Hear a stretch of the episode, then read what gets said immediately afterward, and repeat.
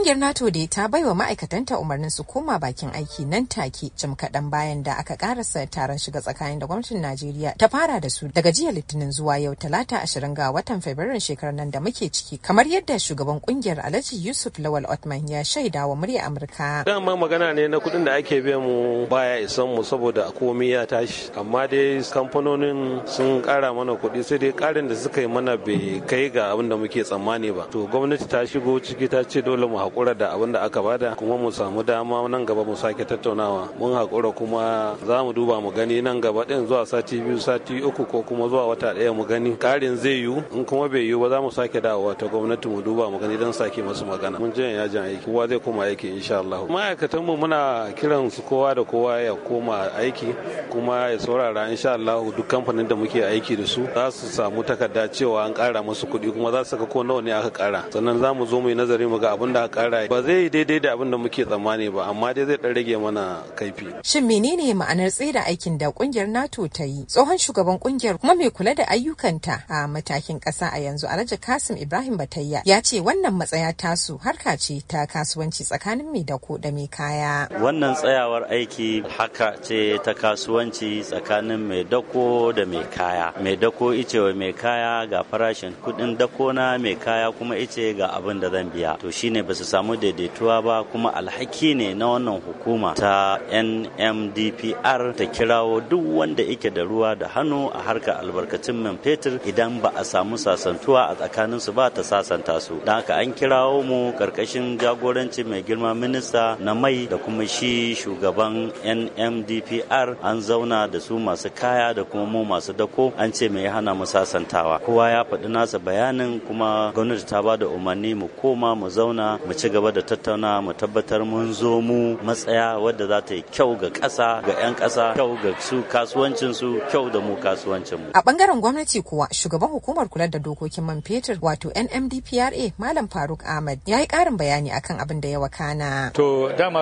matsalan ta shigo saboda kuɗin man diesel da ya karu saboda harkokin duniya da suka canza. So dakon da suke yi kamar daga maybe wajen depo-depo na wajen Lagos sauran zuwa arewa ko zuwa wurare sai ya zama cewa kuɗin diesel ya musu yawa kuma suna faɗuwa ba su samun riba. Shi suka ce lalle sai an ƙara musu kuɗi to kuma ba za mu ce za mu ƙara musu kuɗi ba. Idan mun ƙara musu kuɗi za a ƙara kuɗin mai kuma shugaban ƙasa ce ba za a ƙara kuɗin mai ba. Saboda haka muka ce su je wajen wanda suke wa aiki su same su su yi jarjeniya da za su ƙara musu kuɗi don ka muka ce tashar mota ne. Wannan ya ɗauki kaya zuwa birnin Kebbi. Da shi da mai ɗaukan kayan da mai mota za su yi muhawarar su. To shine kamar haka muka ce su je. To abin da ya faru yanzu minista ya kira su mun kira su mun yi magana jiya da yau. To shine suka dai kai ga matsayi cewa to za su ci gaba da muhawara akan yaya za a yi nawa za a kara musu. To yanzu NNPC sun kara musu kuɗi kuma Total sun kara musu kuɗi. Amma sauran yan kasuwa din ne suka su kara musu kuɗi kafin su ci gaba da aiki. To alhamdulillah an yarjejena cewa za su ci gaba da magana amma saboda ba son jama'a su ci gaba da wahala shi suka ce za su koma wajen aiki. An tsaya mu tsaya yanzu za su je yajin aiki daga yau. To insha Allah komai zai zama yadda ya kamata. Tun bayan cire tallafin man fetur a watan mayun shekarar 2023 da ta gabata ne ake ta samun tashin farashin dakon kaya da kuma tsadar kowace litar man fetur. Diesel da kuma iskar gas a ƙasar inda a yanzu ana sayar da kowace litar mai a Najeriya daga naira 617 zuwa 700 sama. Lamarin da masana tattalin arziki ke dangantawa da rashin gudanar da bincike mai zurfi kafin cire tallafin man fetur. Halima Abdulrauf murya Amurka daga Abuja Najeriya.